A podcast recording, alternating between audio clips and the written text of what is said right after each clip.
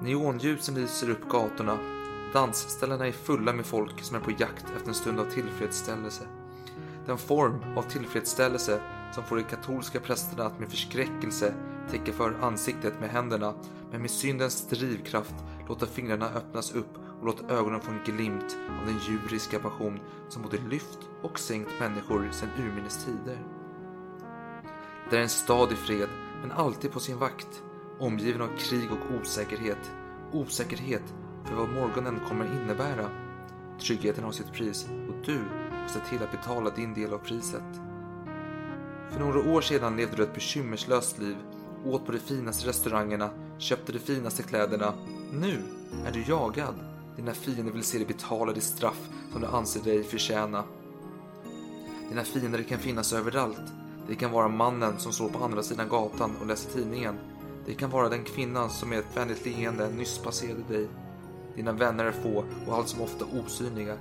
Du skulle ha hållit dig borta, stannat på den skyddsplats du blev tilldelad.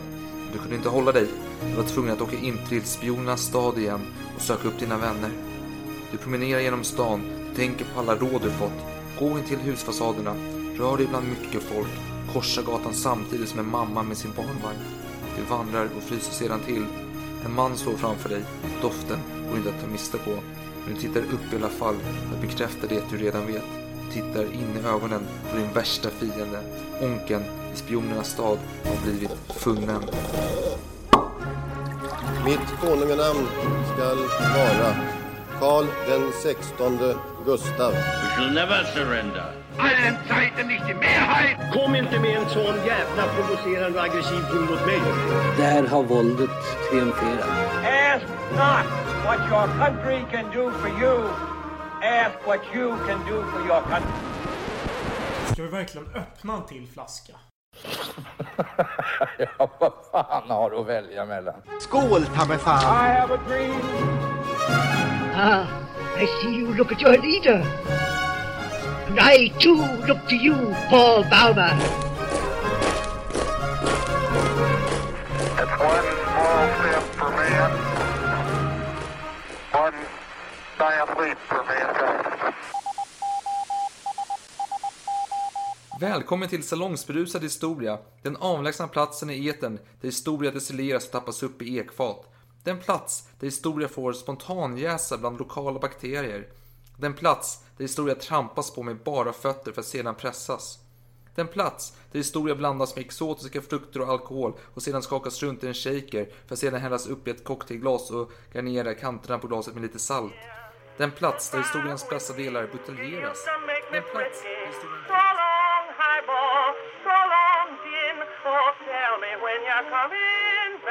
Again. Den plats där historien kryddas med hjälp av rackning. Den plats där historia kokas med malt och kryddas med humle.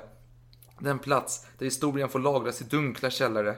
Den plats där historien tappas upp i trånga aluminiumburkar och förtäras av 14-åringar som Men frestas kom till ett igen, först- nu får det räcka. fylla. Ja men fan jag har bara en kvar, sen är jag klar. Okej?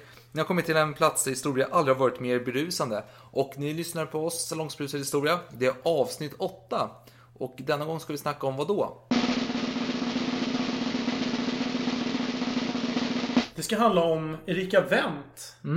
Och, ja, det är en väldigt spännande person, tycker jag personligen.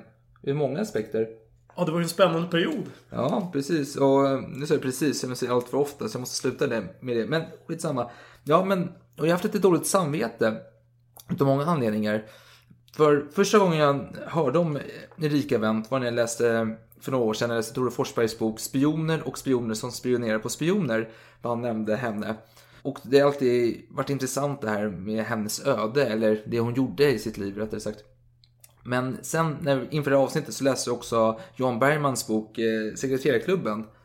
Och det var en plågsam läsning. Inte för att den var dåligt skriven, utan tvärtom. Den var väldigt bra skriven, men det var ruskigt hemska historier på många sätt och vis. Och eh, om massa kvinnor som offrade otroligt mycket för Sveriges säkerhet under den här tiden. Och som eh, aldrig fick sin... Alltså, de glömdes bort i historien då. Och eh, det känns lite dåligt samvete för att vi inte berättar deras historia också i detta avsnitt. Men vi kommer fokusera på Erika Wendt och det handlar om spioneri på hög Ja. nivå. Ja, den boken jag läste inför avsnittet var ju lite trevligare. Den var ju skriven av Wende själv. Mm. Kodnamn Onkel. Precis, och den är ju... Det är vår huvudkälla inför det här avsnittet kan vi säga. Eh, och hon skriver om sitt liv då som agent. Men vi kommer dit lite senare. Mm. Eh, är det något mer? Det är, vi kan bara nämna att det är en eh, tisdag idag. Första gången vi spelar in på en vardag. Och Är det så? Ja, och det innebär att tack gode gud inte kommer bli en fylla lik den vid Färsenska mordet. Färsenska mordet. Det gick lite Och- överstyr. Men innan vi ska börja snacka om Erika då så ska vi ju faktiskt, har vi en tävling, eller en lek. Åt vilket håll vänds kappan är det vindstilla? Jo, idag så är det faktiskt din tur att tävla. Precis, och för er som, om vi har några eventuellt nykomna lyssnare, så går det ut på att eh, vi har gjort, nämnt eh, sju, eh, 14 namn blir det, som möter varandra. Då ska man välja vilka man föredrar utav de här personerna eller händelserna. Jag är helt utan kontext, vilket gör det väldigt jobbigt. Ja, man får ju försöka motivera sig. Ja. Ibland behövs inte så mycket motivering Nej. kan jag tycka. Men Nej, nej, nej. Och nu har de som gått vidare, vi har, ju två separata omgångar, jag två Alexa. slutspelsträd egentligen. Ja. Ehm, Så nu är det, ska jag dra sex, jag har sju lappar framför mig på bordet. ska vi se. En, Och två, de- tre, fyra. Ja, Ja, stämmer och bra. Mm. nu ska jag ta sex stycken av dem. Två i taget och de kommer möta varandra. Och den som blir över ska möta den som var kvar över i Alex omgång förra avsnittet. Och det var Ja. alltså Axel von Fersen den yngre. Så det blir spännande. Vi Ja, börjar nu direkt. varför vi fick ett så här ojämnt antal, det, det kan vi diskutera. Det, Det- det, det- det är felräkning mitt- vår, sida. Nej, jag vet inte. Jag var Ja, lite... Okej, nu drog du, du drog du två lappar. Jag drog två lappar. Ja, okej. ja. Ja, jag- är het på gröten här ute. Det är... Ja, ja, ja. Jag har skarpa ögon också. Ja. Charette La Country. Ja, mannen var, som inte visste vem det var. Till tilltalsnamnet. Ja, just det, du minns bara vilket folk han tillhör. Oj, det här var svårt. Mötte Marie Antoinette. Oj, oj, oj. Det här är plågsamt för mig. Det är ju samma tidsepok. Samma tidsepok gör det mer intressant. Marie Antoinette var ju då eh, drottning utav eh, Frankrike, gift med Ludvig den XVI. Eh, och eh, älskarinna till Fersen. Eh, blev av med huvudrätt. Eh, Country var ju Vendée, eh, royalist, eh, stred mot de här jakobinerna mycket. Eh, väldigt härlig karaktär. Eh, han utnämnde Ludvig den XVIII till kung sen, när Ludvig den XVII dog. Han stödde honom i fall, Ja. hans anspråk. Ja, ja. Och eh, han eh, dog förvisso 32 år gammal, blev skjuten utav, eh, vet han, eh, Hors, Hörs, Ja, var någon, någon, något högt befäl där i Ja. republikanska gardet säkert. som faktiskt föddes i Versailles. Eh, Mhm. Vilket roligt. Men lite intressant, jag tror båda dog ungefär samtidigt. Det måste ju ha varit där 1793, Nej. 94 någonting. Nej, Contra Nej. dog ju 76. Jaha. Nej, nej, 96 menar jag. 1796. Ja. Eh, Så han höll ju ut lite Han längre. höll då. ut så länge ändå. Ja, men alltså det var ju här- långt efter ja. revolutionen var över egentligen. Ja. Nej, men alltså jag tänker, Marie Antoinette var ju väldigt tapper på många sätt. Hon omfamnar ju sin dom och död med stor värme och eh, mod. Mm, för att inte tala om croissanter som du nämnde. Just det, Kiflen. febrilt. Kiflen när hon, Kipfen, ja. Som- hon, som hon tog från eh, Österrike in till eh, eh, Frankrike och det blev sedan på 1800-talet eh, croissanten. Då. Ja, Kipfen ser lite tråkigare ut. Den är lite godare. Eh, det är en giffel som Helt heter på annan svenska. diskussion. Ja, ja, men det är en annan Mm, femma. okej. Nej, men det här är jättesvårt. Jag vet inte riktigt vad jag ska ta. Jag- Alltså, Marie Antoinette är fantastiskt framstående. Den ena kunde du namnet på, så jag kan väl ändå säga. fast, ja, jodå. Men samtidigt det här med att stå upp för din sak. Att du går mot de här mobbarna, jakobinerna som är hemska vanskapsvarelsen som kommer emot dig. Du strider för din sak. Du, till slut är du ensam i princip. Alla andra har blivit mördare och du... Okej, jag ger mig. Men sen så dör Ludvig den 17 och den 18 blir utnämnd. Du utnämner den 18 till kung och du tänker fan dra åt helvete era jävla jakobiner. Jag är så för kungen. Och du blir skjuten. Alltså, jag, alltså nej, nej, nej. Men å andra sidan, Marie Antoinette. Alltså det, hon har en plats i hjärtat hos mig. Jag tar Marie Antoinette. Jag har ingen motivering varför. För Du, jag du tycker gör det både... för fashion helt enkelt. Han hade ju valt henne. Ja, jo, jo absolut. Men han hyllade ju vendéerna. Han tyckte att här, vilka fantastiska människor. Här måste vi stödja dem. In med arméerna, stödja vänderna. Eller vendéerna. Ja, vänderna i ett annat folkslag tror jag. Inte det Götes, Vendes Jo, då, ja, precis. Ja, ja. Okej. Mm, ja, okej. Ja, jag går Nu- vidare. vi Jag tar, vidare. jag tar två nya här Ja, då. ny. Nu får du öppna så det blir lite... Eh, ska jag? Ja, Ja, okej. öppna Bara för att mig. liksom eh, få bort korruptionen ur det hela. Ja, då ska vi se. Kurt Haijby. Som du valde. Eh, mot kalabaliken i Bender. Oj, oj, oj, oj, oj, oj. Heidi mot kalabaliken i Bender. Ja, alltså Heidi, som ni hörde förra, förra avsnittet var det mannen som hade pressar eh, Gustav V och påstod, eller hovet efter Gustav Vs död och sa att han har haft en sexuell relation med honom. Han var väldigt suspekt typ, gjorde många sjuka saker i sitt liv. Kalabaliken Bender vinner varje dag i veckan. Alltså vilken Mm. fantastisk... Åh! Karl XII sitter och lever rövare där. Alltså, han... Ja, nej, jag är inte förvånad. Um, Okej, då tar vi... Två- då får du ta Nej, den jag kan- jag kan Nej, välja, Du, du ja. valde ut åt det. Ja. Okej, ta, ta vad du vill. Jag tar vad jag vill. Eh, de här två. Mhm. Ja, det är bra. Det här, det här känns regelrätt. Du valde alltså ut två lappar och gav till mig. Mm. Eh, franska revolutionen. Fy fan. Mot eh, Christopher Columbus. Ja, alltså, Cigarrmakaren, eller cigarrimportören. ja, alltså, franska revolutionen gjorde ju ingen glad. Eh, så, och, Columbus gjorde ju många människor glada tack vare cigarrerna. Så det, alltså, det här är ju lika givet som, Mm. jag vet inte vad, som en pizza på en lördag eh, Ja. kväll. Det känns givet. Jag tar Columbus alla dagar i veckan. Jag vill inte ens motivera. Jag tycker det känns... Nej, okej. Ja, Då gör vi så. Columbus. Så i min omgång gick ju Bender, Columbus och Marie Antoinette vidare. Och det är ett namn kvar. Ett namn kvar. Som ska möta Axel von Fersen yngre. Och nu ska jag och Alex debattera detta. Ja, det här blir spännande. Och namnet som Fan är vad det ser spännande. Carl Bildt. Carl Bildt mot Axel von Fersen. Jaha. Mm, det blir en spännande duss. Ja, men men måste- det sparar vi på tycker jag. Nej, den kör vi nu. Ska vi köra den nu? Ja, vi kör nu. Vi, här är inga förberedelser. Nej. Rätt in i kamp. Alltså jag tänker så här. Förra gången jag pratade om Carl Bildt så fick man kanske intrycket av att Carl Bildt släkt gick tillbaka till Fersens tid. Den är ju såklart längre tillbaka än så. Men han, eh, han gick vidare med motiveringen att Carl Bildt var en diplomatfamilj som eh, kamperade med Axel von Fersen i fredskongressen i Röstad. Eh, där Axel var som sändebud för Gustav IV tack vare Westfalska freden då. Från Trettiogarkrigets slut. Eh, Men den westfaliska var ju 1648. ja, jag vet, men det var den som gjorde att Ja, Sverige ja. Mm. kunde vara med på den här fredskongressen i Röstad. Ja, okej. Nej men alltså det här är ju no-brainer. Det är ju Axel von Fersen yngre. Alla dagar i veckan. Fältmarskalken. Greven. Ja, jag har inte så mycket att komma med faktiskt. Han är mycket snack, Carl Bildt. Eh, nej. Ja, Carl Bildt är skön tycker jag förvisso. Så han, nej, jag han tycker är- också det inte är något snack. Fersen vinner. Fersen vinner, Fersen vidare nästa omgång. Och det här var alltså åt vilket håll vänds kappan när det är vindstilla? Okej, Jo, då kommer vi... Jo! Jag har faktiskt en överraskning till dig. en överraskning. ja. Vad fan. Jo, det är så att eh, du fyllde år nyligen. Påminner Eh, inte. Nej, eh, den riktiga present kommer lite senare. Men i och med att den är försenad ganska gravt. Så, så får du faktiskt en annan present. Oj! Eh, innan. Eh, Oj. Om man säger så. Vad är det här för något? Det är Ja. ett fint omslagspapper jag säga. Det är en... fan, det är jultomten eller Jesus? Serafimer va? Och lite allt möjligt. Ja, men alltså, jultomten ser ut som Jesus fast med Ja. vitt skägg och en julgran i famnen. Ja, Väldigt och trevligt. Tror det eller ej, men den här presenten har faktiskt lite en vag koppling till podden. Oj, det Fast det är är en vag koppling. Så En vag koppling. Ja. Ska se om jag kan eh, ta den kopplingen då. Han anstränger mig. Men det är väldigt fint omslagspapper tycker jag. Ja. Det är lite stjärnor, en liten flicka som börjar också på, alltså, de börjar på små julgranar. Alltså det är...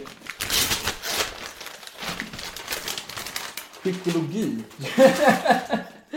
Göran Lambert. Ja, fy fan vad härligt. Ja.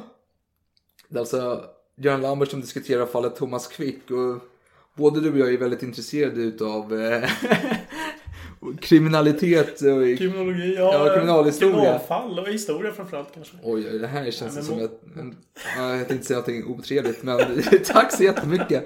Det här blir väldigt spännande att läsa. Tusen tack. Får se vad han har för försvarstal, den gode Lambert. Ja. Som var kopplingen var alltså Fersenska mordet avsnittet när du, Ja, eh, när Lambert eh, skulle, när du drog kopplingen Mm. till eh, Och Lambert. så bara, jag började tänka på Lambert. och det blev en pinsam tystnad, så började du garva. Så, ja, fan, det där kanske inte var lämpligt tänkte jag. Men eh, nu gjorde det ännu mer olämpligt. Ja, det blir en att- perfekt koppling där tycker jag. Eh, Tack så jättemycket. Varsågod. Tusen tack. Det ska jag läsa med stor Entusiasm. glädje. när jag är i Thailand sedan några veckor. Mm. Eh, Okej, men vi ska prata om Erika Wendt. Och vem var då Erika Wendt? Jo, hon var en eh, kvinna uppenbarligen som föddes 20 september 1917 i Stralsund. Men hon var inte uppvuxen där utan hon eh, växte upp i eh, Schlawe. Säger man så kanske? Ja, det ligger i Polen nu för tiden men det tillhörde på den tiden Pommern. då. Ja, som Stralsund också gör va? Ja, ja, ja. ja. Svenska ja men det, det, hon föddes ju i Ja, Stralsund. men det där. området där. Ja, precis. Och eh, ja, de bodde i Greifswald. Är det man så? Greifswald kanske man säger. Gre- Greifswald. Ja, Ja, lite ja. oklart. och Stralsund och, och således, alltså hennes koppling till Sverige var ju att hennes förfäder var svenskar då eh, Stralsund och Greifswald tillhörde Sverige tack vare den Westfal, Westfalska freden som vi pratade om Ja. Som eh, eh, slöts 1648. Mm, det kanske finns en naturlig koppling där till att man intresserar sig för Sverige om man bor i det Ja, området. precis. Och hon hade sen hon var liten läst Selma Lagerlöfs bok om Jösse Berling och blivit helt besatt och tänkte nu fan ska jag lära mig svenska. Och det gjorde hon ju såklart. Så hon studerade svenska vid Nordiska institutet i Greifswald, men även i Berlin då. Och eh, Gösta Berling blev ju mer eller mindre symbolen för allt som var svenskt för henne. Och hon fick lära sig när hon gick när i Nordiska institutet att svenska pratar man efter noter. Det är mer sång än tal. Mhm. Det, det är spännande. Det har jag aldrig hört någon Nej, men säga. jämför Jag med, tys- men- jämför med tyska kan man Ja, förstå. Det kan man förstå, men jag tycker norska låter lite mer så här. ja. ja, men hon, ja, jo, det, jo, för sig. Hon var ju, Mm. hon talade många språk. Ja, precis. Tyska, svenska, norska, danska, engelska. Lite franska lite spanska. Det är, fan, det är ganska o- häftigt. Ja, Alltså. det är oklart exakt när hon lärde sig alla de här. Men Nej. det blev naturligt om man följer hennes liv. Ja. eh, Varför hon lärde sig vissa språk alltså. Ja. Och nu är det, vi, vi pratar om det, det är krig i Europa. Och Mm. eh, vi ska kanske gå lite mer till hennes bakgrund, men vi, vill bara, vi glömde säga det inledningsvis att det är andra världskriget Mm. vi håller på nu. Men hur var hennes familjesituation då? Ja, hon gifte sig ganska tidigt va? Ja. Med någon eh, konstpedagog som heter Jochen Wendt. Mm. Eh, därav namnet Erika Wendt. Precis. Hon Hennes- hette då Erika Schwarze. Schwarze innan. Ja, hennes barn och samma flicknamn, man kallar det för. Ja, och hennes far var chefredaktör för Slaver Zeitung. Som fick eh, stänga ner för de hade publicerat en bild av Hitler från nazisterna och han såg bara en nidbild. Alltså undrar om den här bilden är Hitler står lutad mot ett träd sina läderhosen och... Ja, det kan man ju fundera på om det Ja. är så. Och hennes far avskydde också nazisterna. Så som tack för detta så fick han av tidningens ägare köpa loss de här tryckmaskinerna som användes. Eh, relativt billigt och startade ett eget Ja. tryckeri som gjorde att han kunde försörja sig på det. Ja. Och det var inte tack vare att han avskydde nazisterna fick göra det, utan det var för att tidningar hade stängt ner, han blev av med jobbet. Men även... Och han, Han var, ju- han var ju antinazist och han gott Ja. förhållande med de som fick köpa loss det hela. Och ägarna var väl själva Mm. mot regimen. Precis, men nu är vi i kriget där hon är skild och hamnat eh, i brevcensuren i Oslo. Och du kommer att kanske fråga sig, men hur hamnar hon där? Mm. Det låter ju trevligt. Det gör det, precis. Nej men det visade sig att hon, hon åkte tåg en dag hem från Berlin. Då satt en, en major mitt emot Och såg att hon hade slagit upp en tidning. Som hon Vilket var, läste. ja, det var Svenska Dagbladet hon läste då. Ja, precis. Och majoren frågade så här, vad, vad är det där för någonting? Eh, och eh, när hon eh, förklarade att det här är en svensk tidning, då blev han väldigt imponerad. Och eh, förklarade vem han var och gav henne jobb på brevcensuren i Berlin. Och sedermera i Norge. Ja, eftersom de kunde så många språk då. Och Det passade bra när man hade invaderat Norge. Att vi behöver ha någon som kan det här. Så varje dag så fick hon ju sitta där i eh, och läsa norrmännens brev och klagosånger. Och gud vad jobbigt de här, de här tyskarna, de är så hemska. Och så skulle man ju rapportera till Berlin vad som skrevs i Norge då. Eh, och då var man ju tvungen enligt att skriva att oj du herr Adolf, du är väldigt omtyckt här ute av norrmännen. Det är, det är, de älskar dig här. Känns som medeltida konungar, att man måste trampa lite försiktigt Ja. eh, och sådär. Men hon, men hon gör det precis som alla människor gör. Hon tar lite snedsteg i första arbetstiden där och eh, hon skriver, hon, förstår ju inte det i början så hon skriver hem alla de här negativa kommentarerna. Nu blir hon till rättvis utav en major Gruber som sa så här. Kära fru Wendt. Här tror ni ska kunna slinka genom Gestapos censur. Inte är det här vad Berlin vill höra. Det ska vara alldeles tvärtom. En allmänt hållen inledning. Sedan måste minst 8 av 10 refererade brev vara enbart positiva och bara några måttligt negativa. De hatiska breven stoppas helt. Förstår ni? Ja, jo, jo, jo. Det tänkte hon. Det, det är lugnt så här. Hon gillade inte nazister själv så hon tyckte så här, hur fan, det här är förtryckt folk och... Hon gjorde ju fe- fler fel Ja, steg, om man säger så. Till exempel när norska motståndsmän la flygblad i brevlådorna. Och eh, Gestapo skickade dem till brevcensuren för granskning. Och eh, budet gav eh, Erika då en säck. Eh, och då sa hon så här. Jag kan nog verkligen förstå dem. Ingen vill väl vara ockuperad. Och då var det här budet. Han var inte vem som helst. Han var ju en galen urtyp utav nazist ju. Han var från Geheime Staatspolizei. Ja, han var ju Gestapo själv så han blev ju helt galen. Det är det här för Mm. människa. Han blev uppkallad då till högsta hönset där för Gestapo i Norge.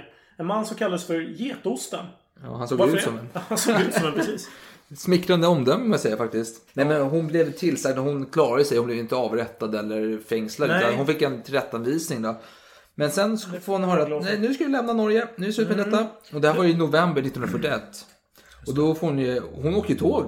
Och då åker hon genom. Sverige och första klass. Inte för att... Det är ju inte vem som helst får åka första klass under krigstid. Nej. Då krävs det att man har en viss rang. Ja, och det hade hon ju inte. Nej. Hon hade ju en löne, lönekuvert som var ganska fet. Ja, Fett, fet, som säger en man. eh, Oberleutnant.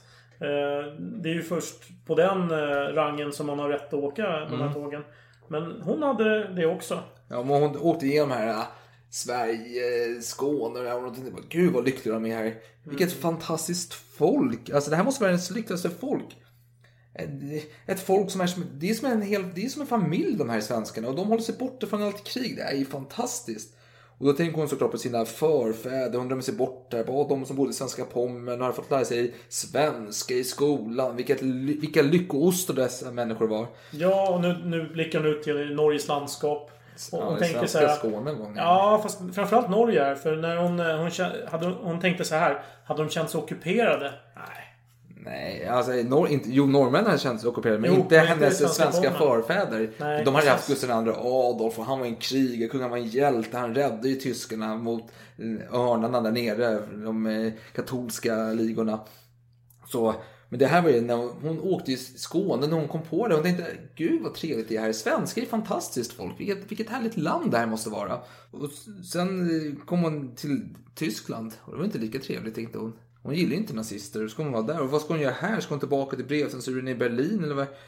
Hon hade hört gott om det va? Att det skulle vara trevligt att... Ja, men hon, hon, hon träffade någon hon kände som sa, men du kommer bli riktigt nöjd med detta. Och tänkte, vad fan händer nu? Ja, vad händer nu? Jo, eh, hon kommer till Berlin 1941 och då beger hon sig mot Tripitzstrasse där Oberkommandor Wehrmacht håller hus.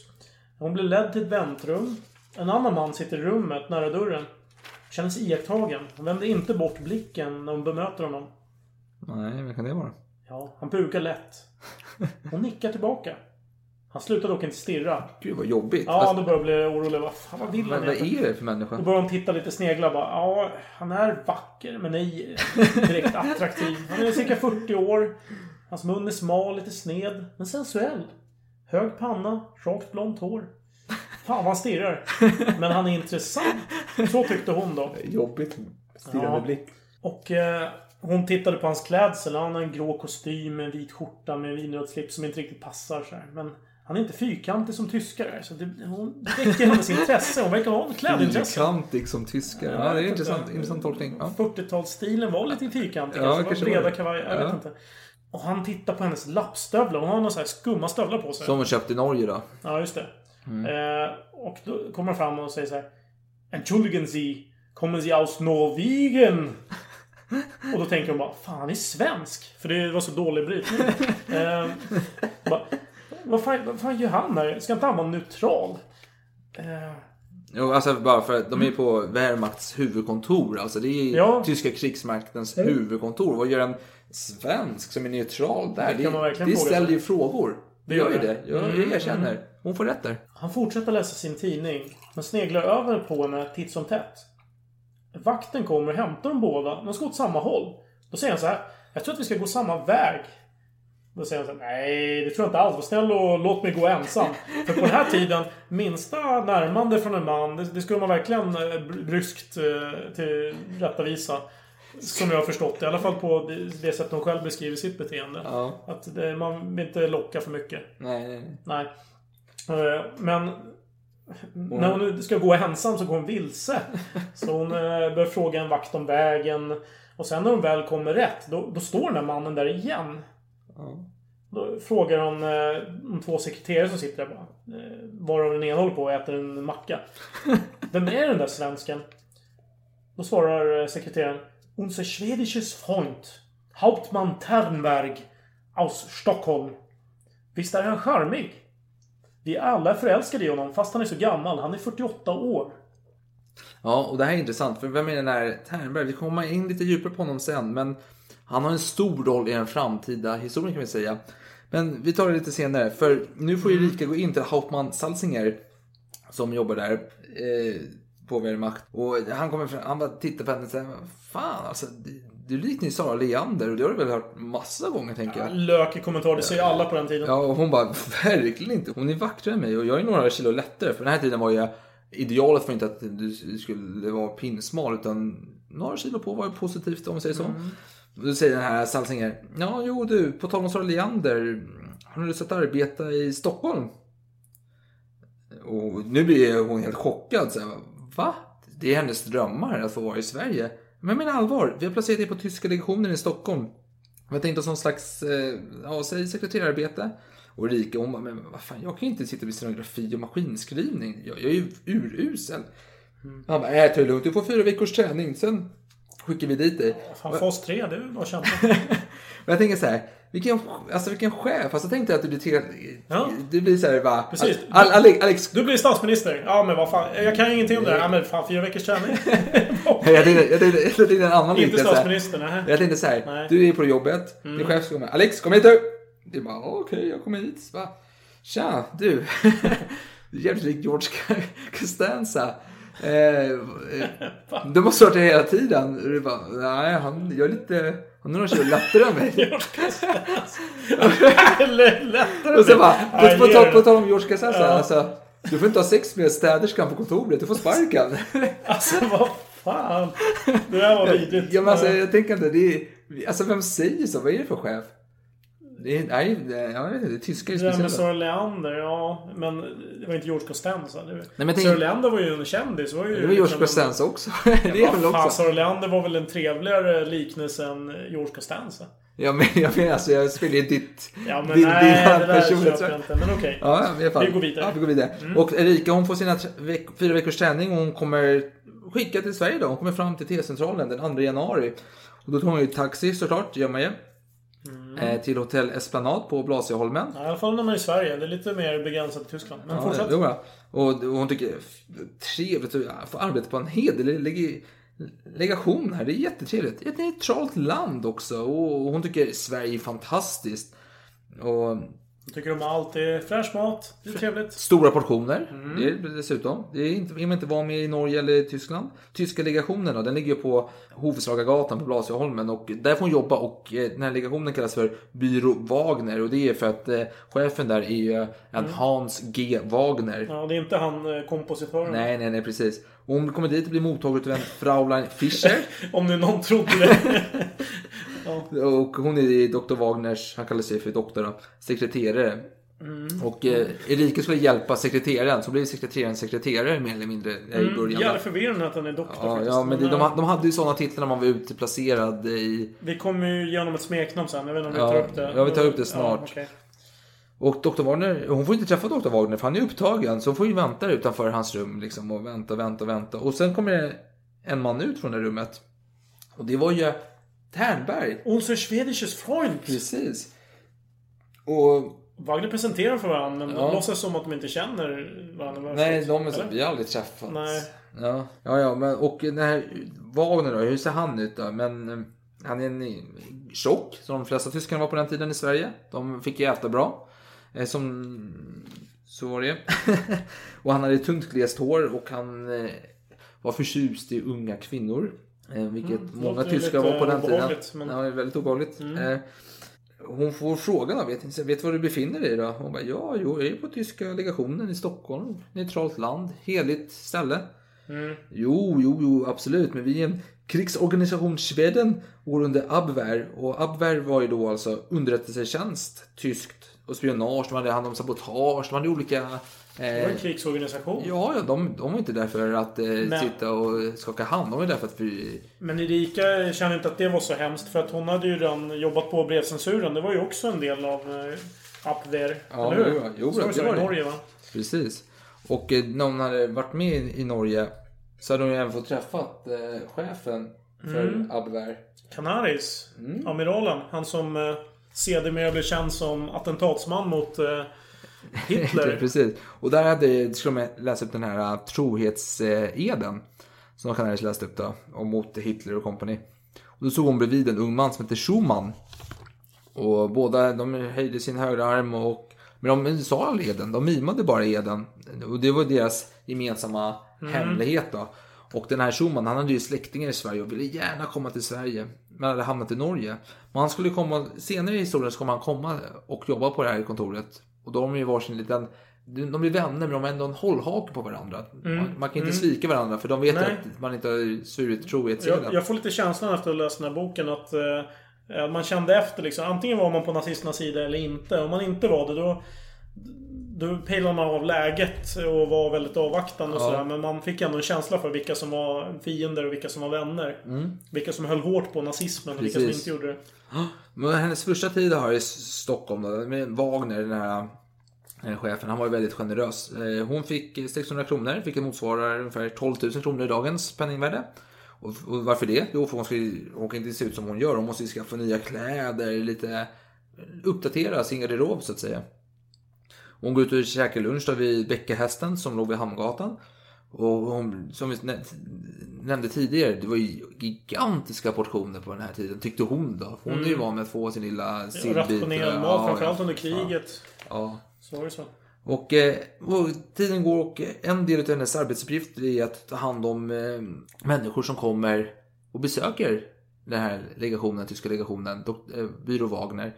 Och hon ska ta ut och äta lunch och visa dem runt i Stockholm sådär. Och Mm. när man kommer till, man kommer från olika krigsländer till Stockholm, det är ju jättetrevligt. Mm. Det är mysigt, tänker de. Det var ju ett bra sätt att vinna sig en fördel och bjuda på en riktigt fin lunch. Och så Ja.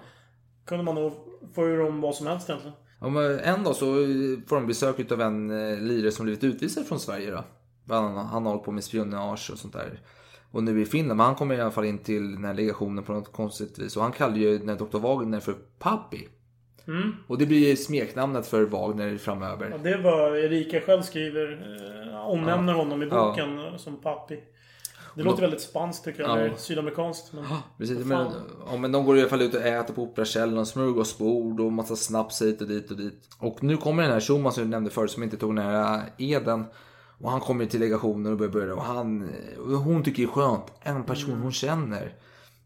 Och han börjar direkt fråga sig, men de här svenska kvinnorna, hur är de då? Så här. Hon tänker, vad fan, du har ju fru hemma. Eh, Och barn i Berlin, vad fan, vad bryr du dig om de svenska kvinnorna? Ja, och- han är egentligen tandläkare till yrket och så här. Men du berättar då till slut eh, att ja, men, min fru har ihop det med en annan man där hemma. Och s- samt i krig, vad fan, folk är omoraliska. Mm. Och det tänker jag på, jag kommer ihåg en serie som gick på tv när jag var liten. Eh, Jag vet inte, Krigets färger vad den hette. Den var lite... Den känner jag, men är inte det en dokumentär? Krigets Jo, färger? ja, det är en dokumentärserie. När som det var gick- lite... Ja, ja, Ja, men, ja, vadå? Det var gick Ja, ja, eh, ja. 90-talet någon gång där. Eh, och då var det någon fransman såklart som sa det att eh, folk var så obskyrt sexuella under den här perioden. För det var ju krig. Man visste inte om det fanns en morgondag så de var ju verkligen igång här. Kanske det den här Schumann menade då.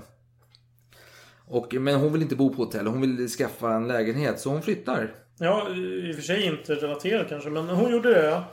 Ehm, och eh, hon skaffade sig ett rum då på Eriksbergsgatan i Stockholm. Som hon får dela med två andra kvinnor. För det är lite ändå tufft om... Bostadsmarknaden var kanske lika jobbig då som nu. Mm. Men å andra sidan, det här är ju ändå centrala Stockholm. Ja, Eriksbergsgatan är ett trevligt område. Fin backe upp där, trevliga hus. Ja, hon tar promenader. Hon- är ute på en två timmars lång Alltså det känns som hon jobbar på IT-företag liksom. Så här, jag tar två timmar, jag går runt. Det är Ja, lugnt, inga jo, problem. Nej, men det tror jag att hon... Det känns som att hon inte jobbar ihjäl sig faktiskt på delegationen. Förvisso måste jag bara säga, hon jobbar ju även helger. Det är inte så att man har helg, Nej, utan du, du förväntar sig jobba alla veckans dagar. Men två timmars Mm. rast är ju alltid trevligt. Mm.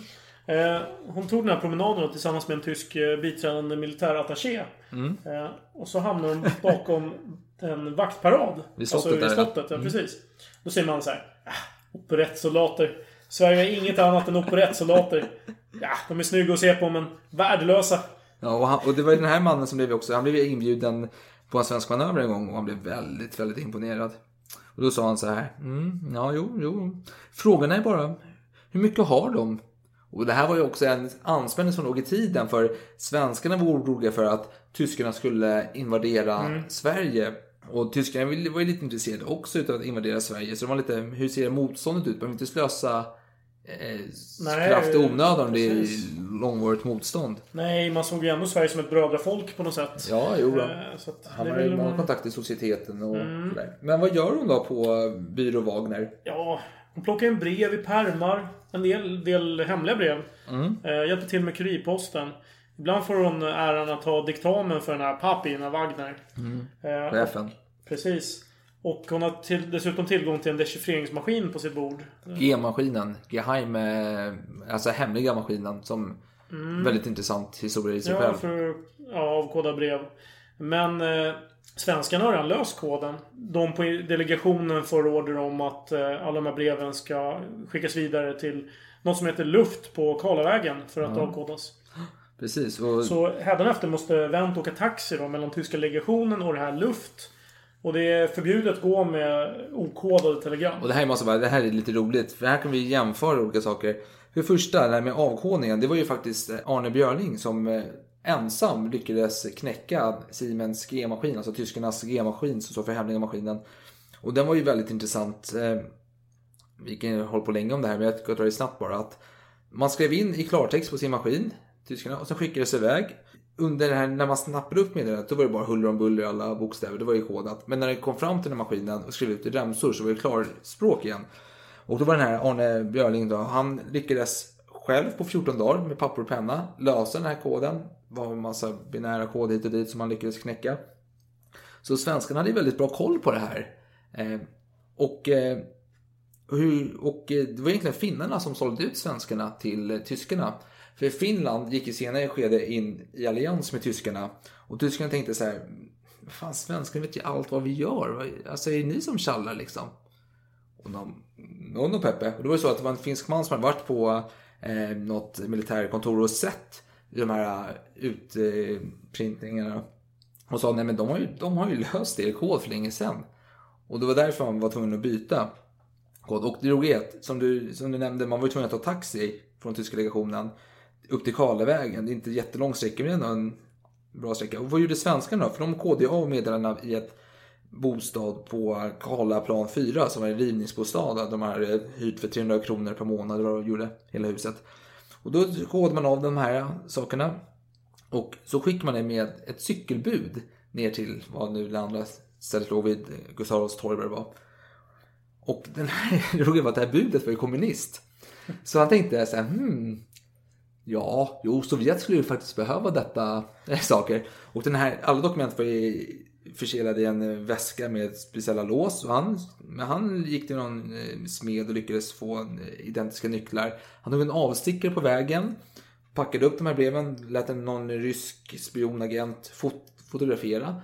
De förseglade alla kuvert igen och skickade till svenskarna. Det här tog ju lite tid att göra detta, så det blev lite längre transport än vad man kan anse vara nöd, rimligt. Men svenskarna märkte ingenting. Du, inte ens att breven var öppnade la man märke till. Utan det var inga konstigheter. Men en, sen en dag så åker det här budet fast i ett annat ärende och får fängelse. Och då blir ryssarna, helvete ska vi göra nu? Så de kontaktar ju den här budets bror och säger men sök tjänsten, sök tjänsten. Han bara, åh självklart så söker jag tjänsten. Men han får ju avslag direkt för han, de märker att han passar inte in här. Ja. Nähä. Och så är en annan så jobbet. Och så går den här brodern fram till den andra killen och säger du, du, du, du, vad sägs om att vi åker hit och fotograferar bilderna till rys, eh, ryssen.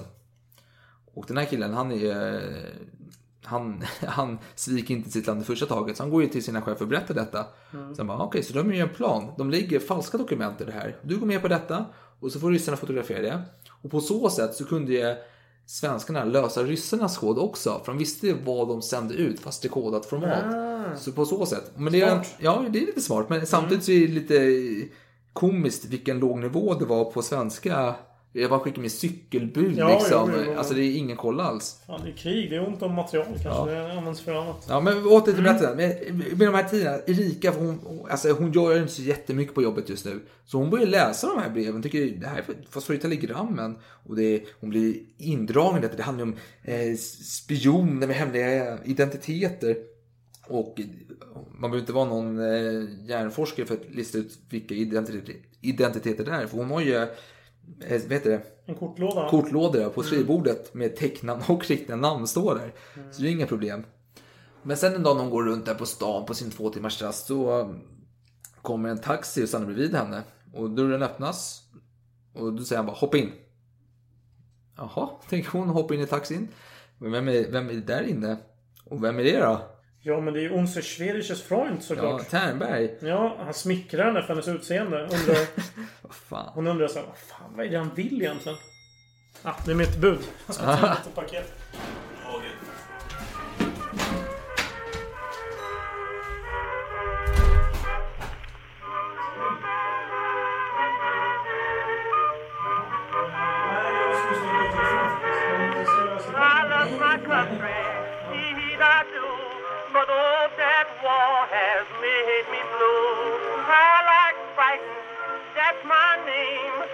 frightened am the least about the fighting game. When Mr. Hoover said to cut my dinner down. Jag stängde av min telefon så att jag inte går att nå. Så att jag försöker kontakta mig på Facebook. Vad sjukt. Ja, det där kommer sen. Nu kör vi vidare. Fan, Vilken jävla... Ja. ja. Var fan var vi någonstans? Ja, Utseendet. Just det, ja, Fredrik Freund ja.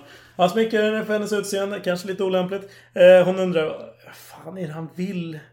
Vad tänker du ta av mig? Vi ska bara ta en liten tur, svarar han. Vill ni äta middag med mig någon dag? Huh, då tänker hon så här, nej men det där uppskattas ju inte av Wagner på byrån, att man umgås med män. Nej, Framförallt inte inte svenska. svenska, men nej, precis. privat. Hohoho. nej, nej, nej. Men hon vill ju det för att hon tycker att han är spännande. Så hon säger så här, ja, kanske. Eh, ge mig ditt nummer så ringer jag. Tack. Går det bra om jag släpper av er här? Jag har bråttom.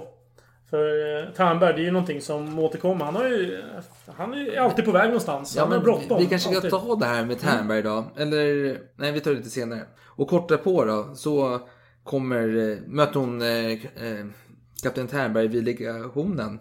För han ska gå dit och snacka lite med Pappi, alltså Wagner. Eh, och då passar ju Wendt på sig. Hon viskar till den här Fischerin som är Wagners sekreterare. Vem är? Och hon svarar så här, men, nej, men han är en underrättelseofficer och kontaktman. Men du, du, du, du, var försiktig med honom. Svenskarna vet man aldrig vad man har. Han besöker inte bara oss, utan även engelsmännen. Ärkefienden. Ja, precis. Och den här Ternberg, vi kanske, vi kanske ska gå in honom lite djupare nu här. Vem Ja, det för är. nu presenterat honom som en mystisk Ja. playboy som raggar lite på tyska Ja, kvinnor. och eh, han har ju en stor roll i svenska underrättelseverksamheten under andra världskriget. Han heter ju Helmut eh, Ternberg, kallas för Teddy. Ja, han gillar inte sitt tyska påbrå uppenbarligen. och han är ju då uppväxt eh, med baltiska farföräldrar, vad man kan kalla det för. Och, och han var ju faktiskt vän med Olof Palme.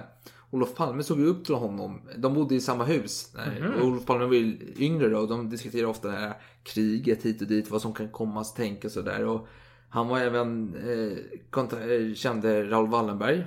Något sätt från släkt tror jag på något sätt. Och fick honom det här uppdraget i Ungern då. På ett högre eller vänster. Och Ternberg, han var ju egentligen han var ju egentligen som Sveriges enda James Bond skulle vilja kalla honom. Fast anständig i den formen att han gjorde inga sexuella närmanden utan... Förutom nu då med... Ja, fast, jo, men, jo, men alltså. Det, man kan, det som ligger honom i fatet är att han var en jäkel på att utnyttja osäkra kvinnor. Och han hade en grupp i hans, inom parentes, stall som de kallar det, som han själv sa. Och det var svalor då. Eh, som de kallar honom för. Det är inte så. Nej, det låter inte spegeln. Och det var så här att han hade tagit, han eh, lyckades eh, fånga upp eh, osäkra kvinnor. Många var utsatta för diverse övergrepp i barnaåldrar och eh, kom från landet och var eh, Vissa var, som han skrev, intelligenta, andra var mindre intelligenta. Men han, han hittade ett syfte för dem då och det var att de skulle jobba för eh, olika, eh, ja som legationen, i tyska legationen, eller olika uppsatta män inom olika länder. I britterna, ryssar, tyskar. Och där skulle de ju göra diverse saker. Oftast gå via sängkammaren för att få reda på information som gav till honom. Och för detta fick de ju betalt för informationen de gav till honom. Och det, det finns en hemsk historia där han tar med en kvinna till någon fest på någon tysk, eh, tysk efterfest, kan man kalla det för. Och helt plötsligt börjar alla ta av sig kläderna och det ska bli någon stor orgie och då försvinner han därifrån. Och hon, den här kvinnan är kvar där och deltar och skäms jättemycket dagen efteråt. För hon är ju kär i den här Ternberg, Teddy då. Och det är många som är kära i honom. Nästan alla kvinnor blir betuttade i honom på ett eller annat sätt. Och han är inte den som faller för något utan han, han låter dem eh, lockas med det här. Han håller dem, han går ut och bjuder på middagar. Och det är så här, i Sverige den här tiden så är privatbilism förbjudet. Man vill inte ha bil. Men han åker runt med en bil och svänger runt där och plockar upp en, någon av hans svalor. Eh, och då får man höra att eh, den här kvinnan har en eh, rumskompis. Ja, men ta med henne också. Så börjar han ju bjuda ut rumkompisen också. Så blir det lite rivalitet där. Mm. Men till slut har han ju ett ganska stort eh, gäng kvinnor som arbetar för honom, lämnar information. Och dessa, många av de här har Stockholm är inte stort på den här tiden. Det är ganska litet, så de finner ju varandra och inser att de jobbar ju, alla jobbar för Ternberg på ett eller annat sätt. Och, eh, och de kallar sig själva för, för sekreter, sekreterarklubben, för de har ju själv, många jobbar som sekreterare, sekreterare nu då. Det, men det, det var Ternberg då, och han var ju som sagt, han lyckades charma alla, nästan alla som pratat, eller alla som har pratat om honom, nämner honom i positiva ordalag. Det är ju även Erika Wendt när hon skriver sin bok. Mm, det är inget mm. ont ord om Nej, eh, Ternberg. Utan Han väldigt- idoliserar honom. Ja. Ehm. Så det var han i alla fall. Mm. Tyskarna, de har ju sina agenter eller informationsmän ute också. De kallas för V-män som i Verbindungsmanner, eller männer, Männer. männer, det vill säga förbindelsemän. Och de ger information mot betalning. Tjallare. Ja, golare. Och en dag får Erika order av pappi att skicka iväg pengar till en V-man i Göteborg. Och Erika är inte van med detta så hon tänker så här, jaha. Men jag måste skriva en avsändaradress också för hon är ju... Ja, Man, hon, hon följer det man ska göra. Alltså, Precis. Hon, hon är- regler. Ja, Så hon, hon, hon går tillbaka till den här pappan och bara, vad fan ska jag skriva som avsändaradress? Och han är ju irriterad, han har ju mycket Mm. pappersarbete att göra vet du. Så han bara, vad fan, skriv vad du vill, skriv din adress, gör fan vad du gör, gör vad du vill! Och hon bara, jaha, okej, hon, tar, hon tar honom på orden. Hon skriver sin adress. kanske inte så jättemycket insikt vad hon håller på med. För att det här kommer ju dra in henne i eh, jobbiga Trubbel. trubbel. Ja, att skriva sin egen. Hon gjorde alltså det. Ja, och sen en dag lite... Skicka muta då. Ja. eh, Eller vad man ska kalla det. Ja. Med sin egen avsändaradress. Ja, precis. Inte så här Mm. den smidigaste verksamheten. Och sen eh, någon, några dagar senare, en vecka eller några veckor, blir hon kallad till pappa och han säger jaha. Ja, jag, jag har fått besked om att UD har utvisat dig så mm, du har tydligen gjort någon olovlig underrättelseverksamhet. Det visade sig att den här V-mannen i Göteborg som skickade pengar till Hans hyresvärdinna hade öppnat brevet och sett vad det handlade om då och meddelat polisen. Och det stod ju hennes adress och de eh, skickade vidare uppgifterna till UD. De utvisade henne och hon är hon får en vecka på sig att lämna landet och hon är helt hon är hysterisk nu. Det här är hennes dröm. Så hon får Precis, lämna. hon börjar gråta. Hon är på dåligt humör helt enkelt. Ja. Och, och hon stöter in i Ternberg som kommer förbi legationen. Han drar in henne i arkivet där de kan prata ostört. Ja. Så, så undrar hon varför är hon så jäkla ledsen? Så bara, ta det lugnt, ta det lugnt. Jag fixar det här. Ja, för hon berättar ju då Mm. att hon blivit utvisad. Precis. Och jag vet inte hur smidigt det här är heller för några dagar senare blir hon inkallad till Wagner och säger bara nej, UD har tagit tillbaka utvisningen Ja, och de har inte gett någon Det här är förklaring. ju suspekt. Alltså det är ju extremt. Alltså borde inte den här Wagner fundera på varför? Liksom? Ja, verkligen. Alltså det här är ju en varningsklocka. Det skriker varning. Ja, verkligen. Mm. Men eh, ja, och hennes förtroende är helt återställt ser det ut som. Hon får eh, träffa de här V-männen och överlämna pengar hädanefter. Ja, jo precis.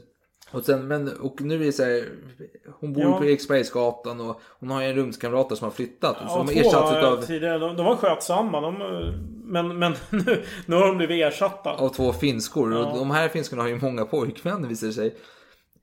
Och, det, och hon störs lite, Rika störs utav oljudet som görs då. Mm. Så, och det roliga är att här vet hon inte att hennes rumskompisar tillhör Ternbergs Svalor. svalor. Och det vet hon inte om här. Kanske Ternberg som går in där på natten också. Utan... nej, nej, han var ju för hedersam för det. det. Men så hon flyttar då liksom och då eh, via en annons då så får hon ta på en socialdemokratisk eh, riksdagsman som heter Jonsson och som hyr ut en lägenhet i Gärdet. Och hon får komma och träffa honom och ja, hon säger att jag jobbar på den tyska legationen. Han bara, Han bara, nej men vad fan nazist. Det är väl inget konstigt. Är du konstigt. får eh, gärna bo här. Bara eh, vi drar inte alla över en kam liksom. Det är, Nej, för han, vi, för han har ju ett citat där han säger så här. Fru Wendt, jag gör det här för att visa att vi inte skär alla över en kam. Vi svenskar tycker inte om ert land just nu. Det måste ni ha klart för er. Men ni verkar vara en trevlig flicka. Välkommen i min lya. Och det är ett halvårs eh, uthyrning hon får då. Jag, vet, alltså jag tänker så här. Borde inte Säpos varningsklockor ringa högt här? Alltså, tyska legationen, riksdagsmans lägenhet. Alltså jag känner direkt att det här är en skandal. Alltså, att bli, alltså det, det vankas en ja, det var skandal. inte, Systemen var inte digitaliserade så det krävdes väl att någon hittade ett papper för att Ja, väcka misstankar. men å andra sidan så var ju eh, Säpo avlyssnade alla tyska alla på tyska legationens telefoner. Så Mm. de hade ju koll på vad som sades. Det kanske var så många Ja. saker man kunde reagera på att man till slut eh, blev avtrubbad. Ja. Det går inte att följa upp varje spår liksom. Mm, nej men i alla fall, men Teddy då. Hennes kontakt med honom intensifieras och eh, inte på arbetsplatsen utan mer privat då. Och han säger så här, du, du, jag bor på Lidingö, vad sägs att du kommer hit? Men du måste åka de här olika bussarna, byta, du får inte bli, eh, eh, vet du, Nej, du får inte, ingen får följa efter dig. nej. Och hon tar bara raka spåret. Nej, hon bara, vad fan jag skiter i det här, bara går åka vägen. Så hon är väldigt naiv, i alla fall under den här perioden, Ja. ska jag säga. Precis, och hon berättar och de sitter där och dricker lite vin och pratar. Hon pratar om eh, Oslo, den här incidenten vi nämnde tidigare med Gestapo. Och det är skönt att slippa dem och så här. Och eh, då säger Temmer, men du vet väl att Gestapo finns i Sverige också? Troligtvis i Göteborg, men ja, vi har inte så bra koll på dem här i Sverige. Men de finns här i alla fall. Och så Ted är inte den som är den, utan han går ju direkt på sak då. Så han bara, men du, eh, har du tillgång till de här V-männens identitet? Jo, det har jag förvisso. Du, kan inte ge oss de uppgifterna? Du, du bör sätta emot mig. Men vänta nu Teddy, det här är ju hemligt. Och Teddy röker inte, men han har slutat. Man stoppar en cigarett i munnen och låter den vara otänd och går runt fram och tillbaka i rummet.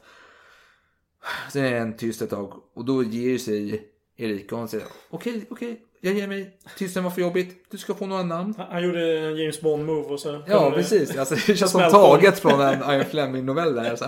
Ja. Ja. I alla fall. Och eh, Erika börjar då ge honom identiteterna. Ja, det går väldigt snabbt tycker jag. I boken hon beskriver själv så går det... Helt plötsligt så gör han en sån eh, stor sak liksom. Begär såna här hemliga uppgifter. Ja, det, det är gör- uppenbarligen någon form av spionage han försöker göra. Liksom. Jo, och det, gör, det är hans modus operandi när man läser andra Mm. böcker också. Han är väldigt rak på sak. Han Mm. frågar ut direkt om olika arbetsplatser hit och dit, vilka de känner. Men han är ju så charmerande. Han är ju det. Mm. Enligt dessa människor då. Mm. Men i alla fall, och hon börjar anteckna, för hon har ju den här kortlådan och hon kan se Mm. tecknamn och identiteter. Och Mm. hon möter Teddy på stan, de går ju, vet, den klassiska spionsaker, vet du, promenerar. Oj, råkar stöta till någon och så har han fått namnen hit och dit. Och hon blir skicklig på detta, smyga under namn smidigt. Och hon tycker det här är jättespännande. Men sen blir det en personlig olycka. Pappa blir sjuk, hon får åka tillbaka till Berlin.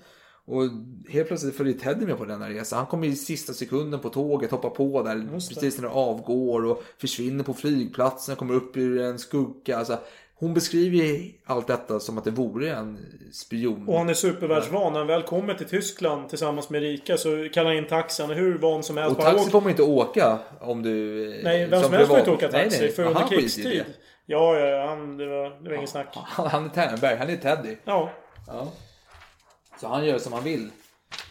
Och de bor där ett tag. I, hon ska ju ner. Hon bor ju en natt i eh, Berlin med Teddy då. De gör inget något separata rum på Teddy.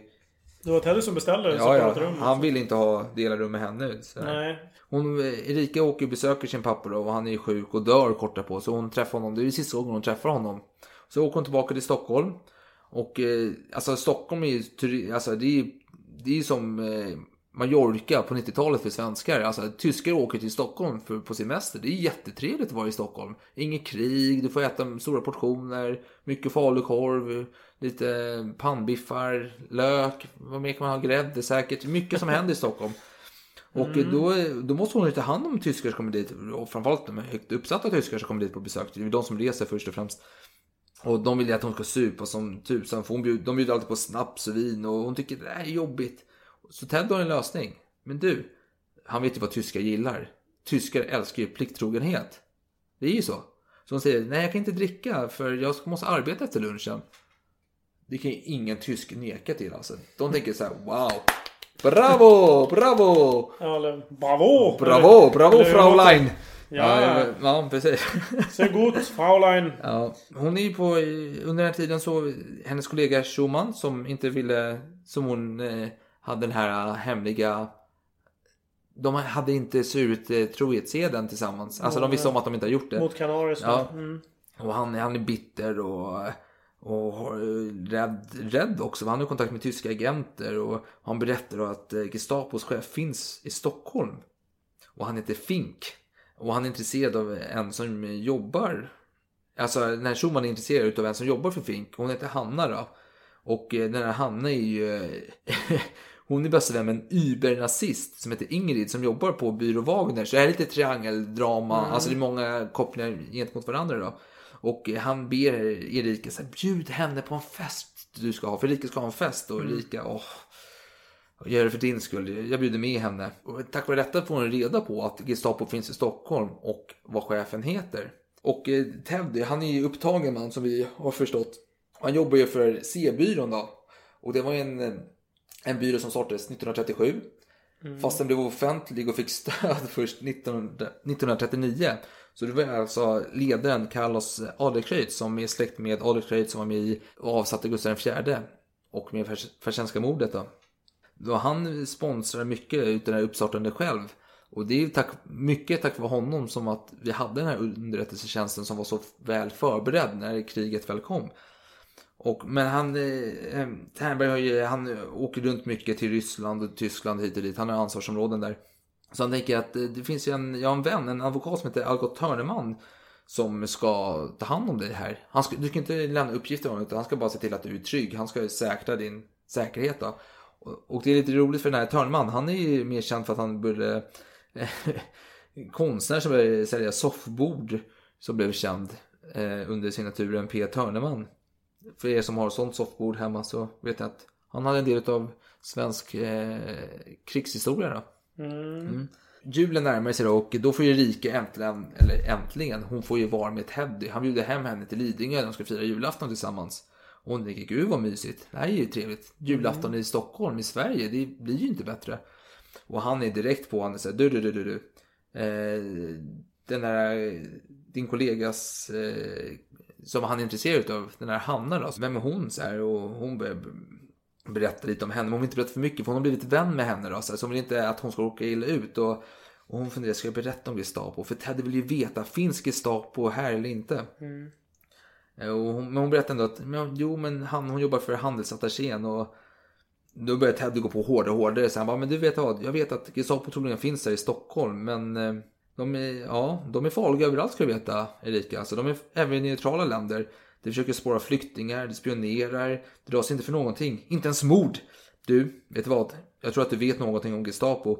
Du gör inte bara oss svenskar en stor tjänst som du berättar. Vem är deras chef här i Sverige egentligen?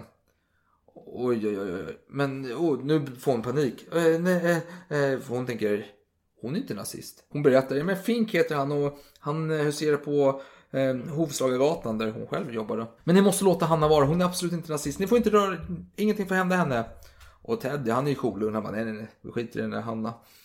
Och som tack för hjälpen, då får hon ju faktiskt en litet mynt då. Från Dalarna från 1700-talet. Som hon ska gå runt med. Mhm. Ja. Just men det var hans privata va? Det var väl Ja, inget... nej, nej, det var inte stulet från museum eller liknande. Han hade det hemma i sin lilla byrå. Mm. Gått om uh, smycken till alla Mm. sina svalor. Ja. Uppenbarligen. Vänta, det kommer. Kanske var massproducerat det. Ja. Och men nu får hon inte bo kvar på Gärdet och riksdagsmannen kommer tillbaka och ska bo där så hon får flytta till en lägenhet vid Sveavägen. De får en egen ingång, hon delar med några andra kvinnor. Och eh, nu säger Teddy då att du, du Erika, du kommer få en säkerhetspolis som, som kommer ta hand om ditt skydd här.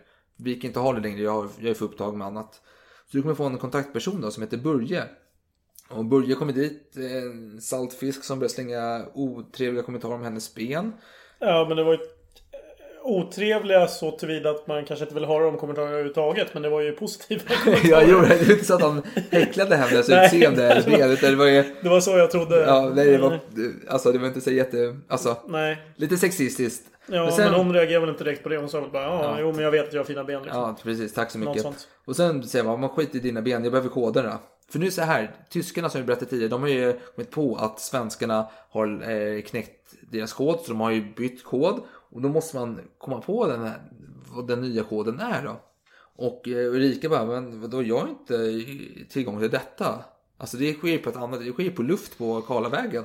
Men han säger så här, men du får ju se breven innan de kodas och efter de kodas. Mm. Jo, det har du rätt i. Så kan du inte bara, kom ihåg någon, någon mening från varje innan Precis. och efter. Ja, nej, men det underlättar väldigt mycket. Ja. eh, Att veta hur det ser ut. Så, och då blir jag så här, ja men det här, vänta nu, det gjorde tidigare, det var ju spionage. Men detta är ju grovt spionage. Men Börje, han är slug, han bara, men du, eh, står du på Hitlers sida eller på vår? Och, alltså, hon, Nu måste du välja. Ja, du måste välja Hitler eller Sverige. Och hon hatar Hitler. Så hon bara, fan det är samvetsfråga. Jag kan inte gå på Hitlers sida. Nej, men jag gör det, säger hon. Då, alltså hon, det hon gör är att hon skriver inte ner så mycket. Utan hon försöker minnas så mycket som möjligt i huvudet. För att Ja, underlätta för här, sig här själv. börjar hon bli lite klokare tycker jag. Att hon, tidigare så åkte hon till Tärnberg, raka vägen och så vidare. Men nu verkar hon inse att jo men jag kan bli visiterad när som helst. Och jag, om jag har papper på mig då, då blir jag liksom hängd. Ja. Så det är nog bäst för mig att hålla reda på saker i huvudet istället. Precis, och skriver ner när jag kommer hem istället på antingen att ge till eh, Börje då. Och Tack och lov hade hon ju gott minne uppenbarligen. Ja, ja. Hon skrev ju ner hela den här biografin förmodligen många, många år efter att, att det hade hänt. Precis, Och, och, men Börje tycker ändå att Erika är lite oförsiktig. Han tycker att du, går, du rör dig fritt på gatan. Du, har inga, alltså, du måste röra dig nära husfasader. Endast gå över gatan i sällskap med andra människor. Helst barnvagnar. Men Erika, hon, som vi hörde tidigare, hon bryr sig inte om sånt där. Hon tänker, vad, vad spelar det för roll?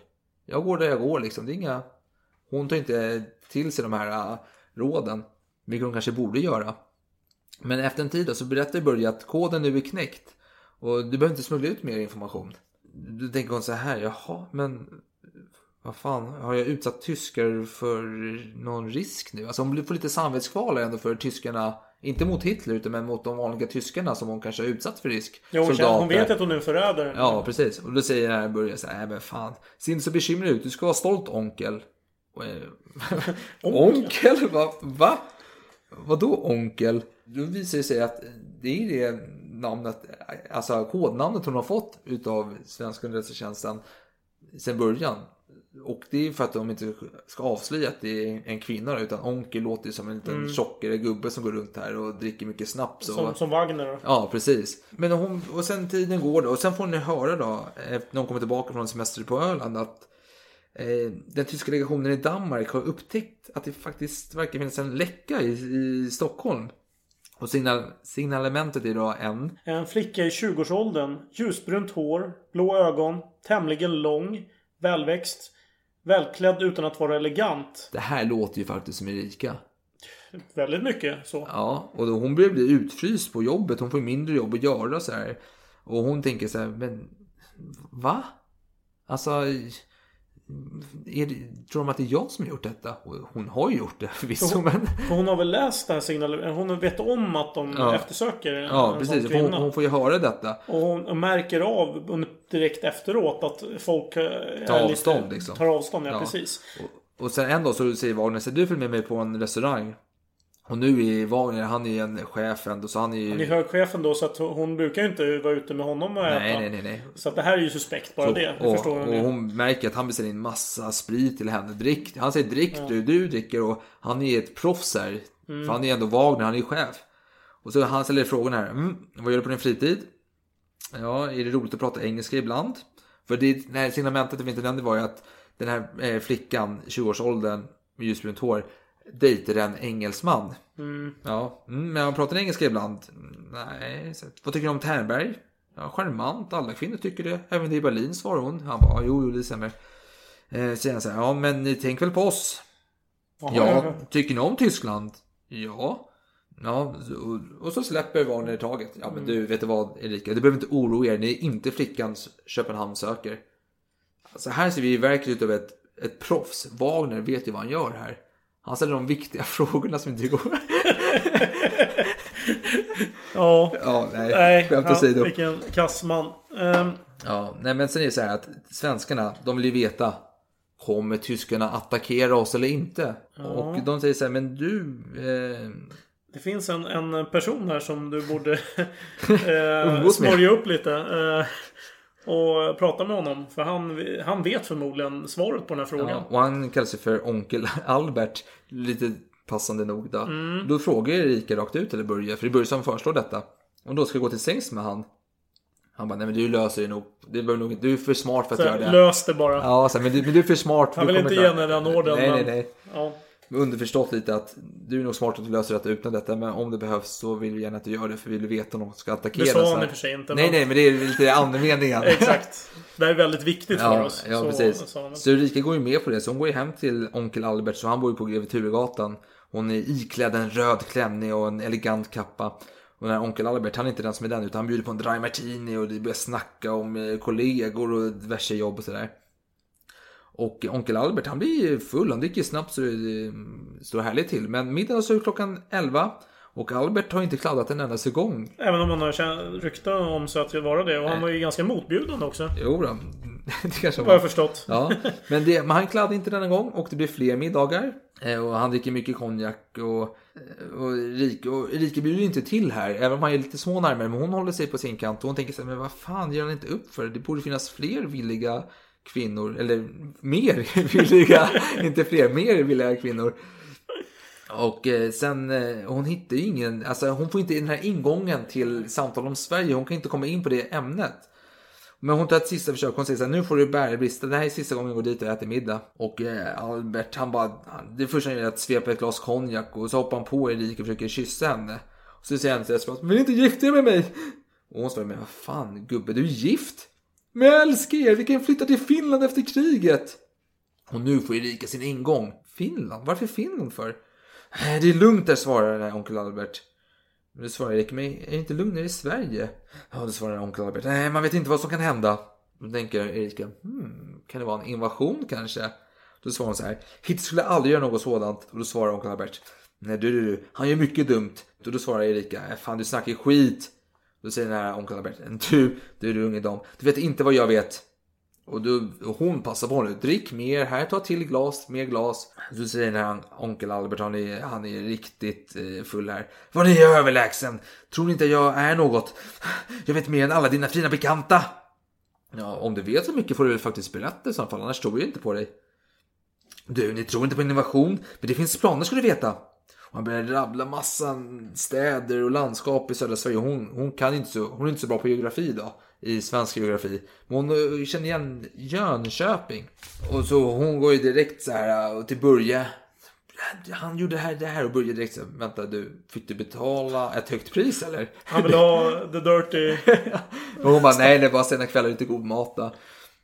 Och då Börje ju väldigt tacksam och säger så här, du, du, glöm inte vad som än sker så kan du räkna på oss.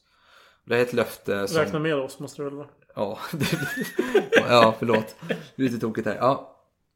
Eh, och, men nu passar Erika även på att berätta att hon har fått höra att det finns en högt uppsatt tjänsteman från utlänningskommissionen som heter Robert Paulsson som lämnar uppgifter om eh, diverse människor till eh, byrå Wagner. Och när Paulsson grips och det blir en stor skandal i svensk press bland annat. Och den, detta har en liten koppling till denna story som vi kommer till senare i slutet då. Men i alla fall, eh, vad händer på den här byrå Wagner mer? Det är en kvinna, nazist, hängiven, ihop med en man, soldat, som blir tillfångatagen utav britterna. Och då säger Erika, gud vilken tur. Det är ändå humana. Och, och den här kvinnan, hon blir arg då, som säger så här, du, min man ska döda fienden, eller dö själv. Så hon är ju verkligen inne på. Hitlers eh, spår Ja, här. men nu börjar krigslyckan vända för nu är vi inne på 44 va? Ja, ja, det har vi inte sagt. Vi har kommit Nej. till, alltså Tyskland blir mer och mer krympta här. Ryssarna är på östfronten, Mm. allierade på västfronten. Vi har ju dagen D snart här, 44. Ja. Eh, och eh, svenskarnas inställning har ju skiftat under den här perioden. Det har väl inte alltid, det har inte varit positiv i och för sig från början. Men nu börjar man ju verkligen kasta sten Nej. och skriva arga saker i tidningarna. Tidigare var det ju okej att vara tysk, men nu vet det fan. Ja, jo. Nej, det var inte. Och det, man märkte även det, man pratar ju aldrig politik egentligen på den här byrå Wagner. Men en dag så var det hennes komp Erikas kompis Hannas vän Ingrid som var den här rånazisten. Hon, hon eh, var så upprörd över Karl Gerhard då. Gerhard var revyartisten som eh, skämtade om tyskarna. Som ska säga, ja vad fan man borde binda honom vid svansen på en galopperande häst så han blir flodd levande. Då frågar Erika så men gud vad blodtörstig du är. Då svarar Ingrid, vad menar du? Håller du inte med? Människor som Karl Gerhard ska torteras och skjutas. Så det börjar bli lite mer man märker ändå på tyska legationen Mm, här att det irritation hos irritationen, nazisterna kanske. Ja, och Mm. det, det, nazisterna blir otåliga. De känner ju själva att Mm. det ligger inte så jäkla bra till heller. Nej, Ja. framförallt inte om man tidigare känt, visat att man är en hängiven nazist. Nej. Så är det illa om man förlorar kriget. Då vet man att man får betala ett högt Precis. pris. För Erika nämnde tidigare att det finns olika former av nazister i Sverige. Det finns de här hängivna, som Ingrid. Det finns de här karriärsnazisterna. Lite mer Wagner som bara tycker det är trevligt att vara i ett trevligt land och dricka mycket vin och njuta av ja, andras misär som eh, nazisterna tar och lyfter upp eh, till något positivt för honom då. Men nu händer det saker. Erika, tiden går där och hon blir sjuk, hon får feber och hostar och hon är likblek. Och hon, eh, hon får hjälp då och hamnar hos en specialist. Och den här specialisten heter Dr. Turin och han är expert på lungsjukdomar. Och han är smal och gul hy och röker. Han bjuder henne på cigarett. Och säger, ja, men det, här, ja, det här är inte nyttigt men det är lugnande i alla fall. Ja, och då börjar hon ifrågasätta. Men så som du ser ut, ska du verkligen röka? Men han hade ju själv någon dödlig sjukdom. Jo, han hade ju tuberkulos och var Ja. nära, eller lungcancer Mm. och var nära eh, döden. Så han sa att det spelar ingen roll Nej. om jag röker liksom. Men han eh, röntgar ju hennes lungor. Och eh, kommer fram till slutsatsen att du har en fläck på lungan. Men, men sen Turin tar reda sig ändå så att du måste gasa lungan liksom, så fort som möjligt. Ni börjar läggas in direkt. Och sen när du blir bättre, ja, då får du flytta till ett sanatorium liksom. Ja, ja, och, och hon går ju till sin chef det, då. det här ska vi nämna då att hennes chef, han, han har ju noterat att hon är sjuk. Och han vill ju skicka tillbaka henne till Tyskland. Ja, han Henrik sa du får bli gasad i Tyskland. Alltså inte gasad som Nej, andra eh, blir. det var alltså. osmakligt skämt. Ja, ja, Ja. förlåt. Eh, men Alltså du får bli behandlad i Tyskland Mm. via gas. Man gasar i eh, de här sakerna då. Och Teddy, med han, när hon berättade för Teddy, jag ska åka till Tyskland och bli gasad, alltså för min lunga. Teddy säger, fan du får inte åka dit, så du får absolut inte åka till Tyskland. Så hon berättar vad läkaren heter och Teddy bara, men jag fixar det här, du håller låg profil, jag fixar, jag och Börje, vi fixar detta. Så de eh, formulerar då en plan att eh, Erika ska låtsas bli hastigt sjuk. Så att hon måste behandlas direkt då i Sverige. Så att den inte... Kan åka hem eh, till Tyskland. Ja, men precis. Så de ser till helt enkelt att hon... eh, Hon ska smyga hem till sig och sen ska hon låtsas få någon slags eh, anfall. Ja. Ehm, och därefter så ska Ternberg och Börje då ha förberett eh, transport och så vidare till sjukhuset. Och Mm. att sjukhuset vet om det här så de är beredda Ja. att ta emot henne. Ja, Och, ja att hon blir inlagd direkt då. Och då ska hon ju ha vittnen som ser att hon blir sjuk.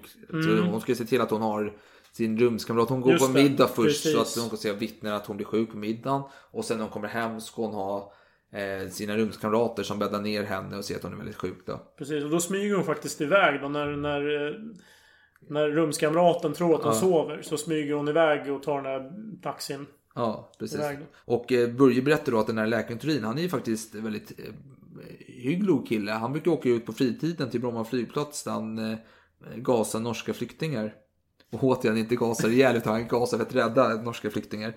För den som missförstår. Och nu dessutom efter att Erika berättade för sin arbetsgivare att hon har tuberkulos. Så gick ju hela byrån dit till samma läkare, Turin, för att bli undersökta. Och Turin saltade i notan ganska rejält där för att jävlas med tyskarna. Mm.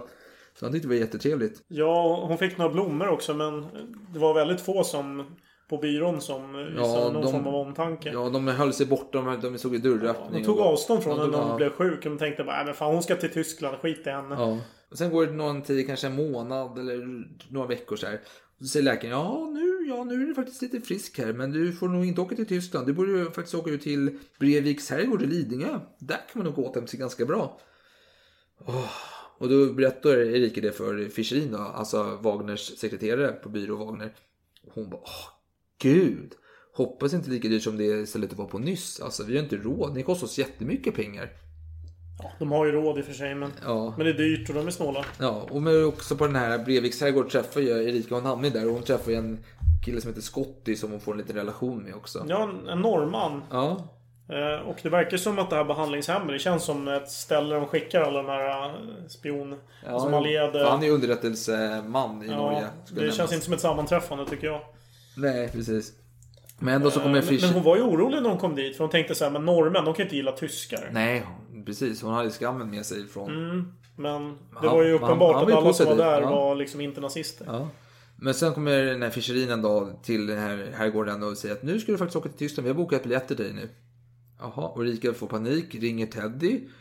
Åh gud och...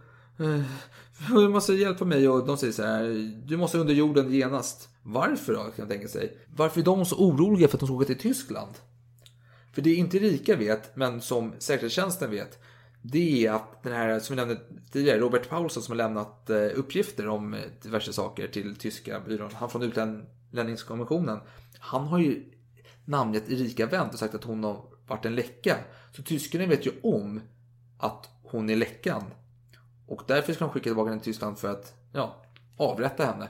Men det vet ju inte hon om vid det här laget. Men det vet ju underrättelsetjänsten i Sverige om. Så de får ju panik. Vi måste rädda henne. Eh, och detta fick ju Erika själv reda på 50 år senare. Ja. Eh, 90-talet då. Och då säger de så här, du måste till Norrland direkt för ingen åker upp till Norrland för att hitta en eh, avhoppare. Alltså det känns så avlägset. Eh, och så Börje håller på att fixa det och då eh, Erika, men vad ska jag göra alla mina kläder då? Och Börje, vad fan! Kläder är ett problem som karlar aldrig tänker på. Vad är det här för något? Men jag, jag fixar en låda. Eh, skit i det du. Jag, jag plockar upp dina kläder och skickar med det. Ja, Just det, så de bad henne att hålla sig borta från sin lägenhet medan någon skulle dit och liksom plocka upp dem. Plocka upp kläderna. Mm. Och den här nya planen för att lämna Brevik Lidingö, det är att de ska klockan sex på morgonen så kommer de bli upplockade vid Börje. Vid herrgården. Och så kommer de eh, skriva ett brev då till eh, Pappi på Wagner byrå och berätta att hon inte vill kosta Tyskland massa pengar och att eh, ska hitta någon kärlek. Hon förklarar att hon hoppar av helt enkelt, men på ett hedervärt sätt. Så att de ska precis. släppa henne. Ja, så de kan tro att men hon har hittat kärleken. Ja, och, skiter i henne, liksom. Ja, precis. Och då åker de då, de åker eh, till Uppsala. De ska ta tåg till Norrland, men eh, tåget kommer aldrig. Det är försenat. Så de... Som nu liksom, det är problem. ja, precis. De har problem redan då, eh, SJ. Så de åker till centralstationen och det är ju ganska risky för där finns ju fullt med tyska agenter egentligen. De, alltså det vet man ju, alltså de, de hänger på T-centralen. Det är ju klassisk spionfilm. Har den en centralstation, där hänger ju agenter. Det vet du ju. Det fattar du ju själv. Men de sitter där och väntar några timmar och sen hamnar hon i alla fall eh, på ett, eh, ett tåg då, som går till Ångermanland. Och där ska hon få ett nytt namn då, som är Ellen Berger. Och hon ska vara österrikare och änka till norrman enligt hennes egen utsago då, för att inte Ja, väcka misstanke för hennes, För eh, hennes, dialekt. hennes brytning Ja. är lite så här, alltså henne, när hon talar svenska så Ja. bryter hon lite på norska. Ja. I och med att hon jobbade i Norge Ja, tidigare. och tyska brytningen där så man tänker Ja, att så det blir naturlig ja, Österrike känns bra ursäkt. liksom. Mm. Och hon hänger uppe i eh, och- Men det är någon eh, påsidig journalist som är på henne. Hon åker ner till Uppsala. Hon åker runt lite till olika ställen och träffar olika människor. Hon blir skickad lite höger och vänster. Hon till slut med pengar för henne ibland. Ja. Så då får hon leva väldigt knapert under en period tills Ja. svenska underrättelsetjänsten får veta det och skickar Ja, pengar. hon, hon och... söker ju Ted och. Hon får inte ringa dem egentligen hit och dit. Och så. Det är mycket problem där. Då. Och sen ändå så åker hon tillbaka till Stockholm. För att hon skulle egentligen till... Hon skulle besöka gamla vänner och doktorn tänker hon så här. Och hon får egentligen inte göra detta. För i Stockholm finns Gestapo och alla de här. Kriget är nära slutet då, men det finns ju ändå, det är en hetsk stämning där. Så hon går eh, på Birger Jarlsgatan mot vatten vid Nybroviken och hon känner sig iakttagen. Är personen på andra sidan gatan? Är det en tysk? Är det en kvinna som går förbi mig? Är hon tysk? Jag vet inte. Men sen går hon och tittar ner i marken. Så tittar hon upp och så möter hon blicken på Finke. Gestapochefen står framför henne. Och nu börjar hjärtat slå. Har hon åkt fast nu? Ska hon bli mördad på plats? Men han, de ignorerar varandra. För Finke har ju rymt. eh, Han har ju hoppat av Gestapo här. Tagit massa pengar och stuckit. Ja, nu är vi alltså i 45 här. Nu Ja, är det ja. typ eh, våren 1945. Så Ja. att eh, krigslyckan har ju vänt totalt nu för tyskarna. Ja, ja, så han passar på att bara dra sina, ta ihop alla pengar och flyr. War undercover han nu, också liksom. Nu vill ingen kännas vid Nej, sitt förflutna om man är tysk. Ja. Nej, nej, men och sen dör ju Hitler 30 april och 7 maj kapitulerar tyskarna och det är glädje i Stockholm och ja, hon undrar vad ska jag göra nu? Hon var ju chans att arbeta för amerikanska underrättelsetjänsten men för de är positiva till henne visar men hon, nej. Ja, hon möter en amerikan som hon tycker är trevlig. Hon Ja, jo, alltså, träffar hon- väl honom några gånger också. Ja, men hon, hon bestämmer sig att hon vill leva ett vanligt liv. Och det är inte lätt liv i eftertids-Sverige. Tyskar... Efterkri- ja, efterkrigs- Efterkrigstiden i Sverige. Och eh, tyskar är inte, de är inte omtyckta som jag tidigare nämnt och så här. Nej, Och, tidningarna blir mer och mer barska i sina rubriker. men sen, jag måste bara ta det, det är en riktigt lökig line här från en midsommaraftons, eller midsommardags eh, situation hon hamnar i efter kriget. Och hon är ute och hon blir lite, lite påhoppad från att vara tyska och så här. Och det har varit lite störigt. Så hon går en promenad där på midsommardagen. Och eh, hon går förbi en man, sitter på en parkbänk och han tittar på henne och frågar om hon vill sätta sig bredvid honom. Och det vet du när du går på rundor längs vattnet och en man frågar om du sitter bredvid honom. Du sätter dig ner. Det är mysigt liksom. Det tänker du. och då säger den här mannen till henne så här. Säg inte vem det är. Jag har redan ett namn åt er. Ni är min sommarnattsprinsessa. Och ni ska inte vara rädd för mig. Jag heter Olle Olsson Hagalund. Har ni hört det namnet förut? Får jag kyssa prinsessan? Som är en saga. Den här natten är en saga. Godnatt prinsessan. Ja, det här är- känns ju mycket obehagligt, tycker Alltså, jag. Men Och de kysstes och så gick han därifrån. Ja. Alltså, jag, jag, jag, det känns riktigt cheesy alltså. Om jag får vara sån, den som är den. ja, jo. Jo. Men det var väl innan cheesy blev cheesy? Ja, 42. det, var, det, här, var ju klass på den tiden kanske. Jag vet inte, det här var kanske romantik. Det var ju verkligen Romeo och Julia situation här. Alltså när de möts här och fina kärleksfyllda ord. Men i alla fall, Mm. kriget har slut. Vad händer med Erika då? Vi ska försöka avrunda detta spretiga avsnitt lite lätt då. Och hon får ju jobb då som barnvakt i utbyte mot ett rum då hos en rysk adelsman. Och hon har fortfarande kontakt med Teddy och eh, hennes beskyddare Algot Törneman. De bjuder henne ofta på middag och sådär. Och 1946 får Erika sitt utlänningspass. Och då har hon bytt tillbaka till sitt flicknamn då, Schwarze. Erika Schwarz. Schwarze. Ja. Och hon får ju jobb som eh, arki- arkivarie på Nationalmuseet. Och sen utbildar hon sig i scenografi och får ett bättre betalt jobb då. Men då får hon ju inte... Eh, då måste hon försörja sig själv i framtiden. Ja, då. det känns inte som att de får någon pension direkt för sin eh, underrättelseuppdrag. Men man får väl ändå säga att de eh, skötte korten snyggt när, när det bara väntade en avrättning. När, när hon inte tillförde Ja. någon nytta längre. Då ställde hon ju, då ställde de ju upp verkligen. Ja, eh, och Börje då. Och hon var ju vän med Teddy fram till hans död 1971. Och, eh, Mm, han, han bjöd över henne till eh, landstället. Det var något Ja. ställe som hon eh, ofta beskrev. Att Ja. hon gärna ville eh, vara på hans land i ja, någon skärgårdsö. Ja, och det var ju många underrättelsemänniskor som samlades från olika, Norge och Danmark bland annat. Sådär. Mm. Men eh, var, levde hon olyckligt alla sina dagar? Kanske. Inte? Han, ja, hon gifte sig med en eh, svensk man 1951. Mm. Och blev svensk medborgare 1952. Och sen dog hon då den 9 april 2003. Ja. Och då, vet du, en av de sista hon träffade var faktiskt den gamla Säpochefen eh, Tore Forsberg som skrev boken Spioner och spioner som spionerar på spioner. Mm. Eh, De, han träffade henne samma dag då hon dog och samtalade med henne. Och han beskrev det som att hon, var, hon hade lite en så här, han fick känsla av att hon var lite besviken på att hon inte blivit uppmärksammad. Hennes insatser, att hon gömdes, glömdes bort i Mm. allt detta. Och nu har vi tagit en väldigt lång historia och kortat ner på en, en timme och några minuter. Kanske inte mer. Förhoppningsvis Ja. en någon timme. Och, men eh, vad känner du då för detta? Ja, Vad gjorde hon en stor insats? det är ju det som är lite svårt att värdera vad uppgifterna betyder. För nu har jag ju läst från hennes biografi. Så Ja. det är ju hennes syn på saken. Sen hur värdefulla de uppgifterna hon lämnar över till svensk underrättelsetjänst, det vet man ju inte. Jo men hon Eller hjälpte till att inte. knäcka koderna till... eh, Ja men om det var det som var Ja, men, avgörande. jag, jo men jag tänker så här, för eh, det nämnde vi inte, men det finns en del eh, där Börje, när han får reda på då, att eh, det finns planer, att det har funnits planer i alla Mm, fall. Men han mm. säger så här, ja, men de, de ska få möta motstånd i sådana fall. Och jag, jag kopplar när jag läser boken, för, jag, för några år sedan läste jag en bok, jag kommer inte ihåg vad den heter, men det handlar om Sverige under andra världskriget och det är relationer till tyska Abwehr bland annat. Då beskriver de att eh, tyskarna åker upp till Sverige någon gång där och ska bara se hur deras försvarsstyrkor ser ut. Och just då så råkar Sverige ha kallat in alla sina reserver till fältet. Och sen de åker runt där tänker de så jäklar, alltså det här, det här det är bättre än vad vi tror liksom. Alltså det här är bra. Precis. Och kan det, tänkte jag då, kan Ja. det ha koppling till detta då? Att de visste att här finns det planer, vi sätter in extra folk. Det låter att- inte osannolikt. Nej, men så- det är spekulation. Men Ja. eh, Så att för att kunna ge dig ett klart svar så skulle jag behöva sitta på Ja, ja. Eh, ja eh, svenska underrättelsetjänstens eh, syn på, på det hela. Och Eh. vi kan ju nämna också att underrättelsetjänsten, den här C-byrån som Ternberg jobbar på. Den, Firman även kallad. Firman även kallad. Den eh, skulle ju, man skulle eh, förstöra dokument och den Mm. blev ju, de satt ju något år utan att ha arbetsuppgifter. För det var ju, alltså, Och det var en inofficiell organisation, var det inte så? Att det, det, det, I början var det det, men Mm. sen blev den officiell under 1939 när kriget var ett faktum.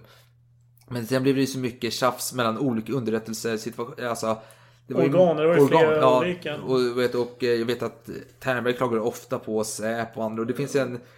Eh, Ternberg hade sina svalor. Han hade en eh, fru till en Aftonbladet-reporter som hette Järnet eh, Horney eller vad de kan uttala det för. Och hon var ju väldigt, levde mycket i, i det glammiga låter livet. som en Bondbrud skulle jag säga. ja men det är Ternberg liksom. Eh, I alla fall, och eh, då ville danskarna mörda henne för de trodde att hon var för Tyskland. Och så stoppade man det en gång. Men sen försvann hon och så visade det sig att det var danskarna som hade kommit in i Sverige med hjälp av säkerhetstjänsten. Hon hade ikonan Eskimo. Då hade ju säkerhetstjänsten visste att hon var en under täckmantel. Men de hade även ändå tillåtit danskarna att gå in, kidnappa henne, avrätta henne och dumpa henne i Kattegatt med en symaskin som tyngd.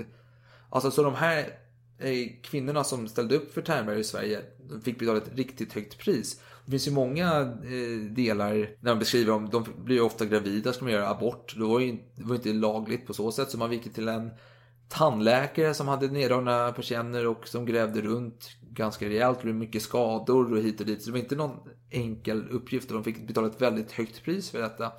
Men jag ville få ha sagt var ju ändå att olika underrättelsetjänster arbetade mot varandra. Och du, du visste ju inte att det de C-byrån fick reda på spreds ju till någon tyskvänlig officer i någon annan eh, organisation säkerhetstjänst, som spred vidare till tyskarna. Så det var väldigt, Mm. det var ett väldigt schackspel här. Jag tänker på det här. är det jag- inte så många man har hört talas om premieras eh, som, alltså som Erika Wendt nu då, efter Nej. kriget. Utan Nej. Jag vet ju inte riktigt vem som har gjort en stor insats. Precis, för jag har ett slutcitat som nämner lite detta. Men jag tänkte vi ska ta det precis som föregående avsnitt har vi ett litet slutcitat över det hela. Men jag vill tacka er alla för att ni har lyssnat på detta avsnitt Mm. om Erika Wendt. Nästa gång då så ska vi faktiskt inte, ska vi släppa 1900-talet. Vi har varit där ganska länge nu känns det som.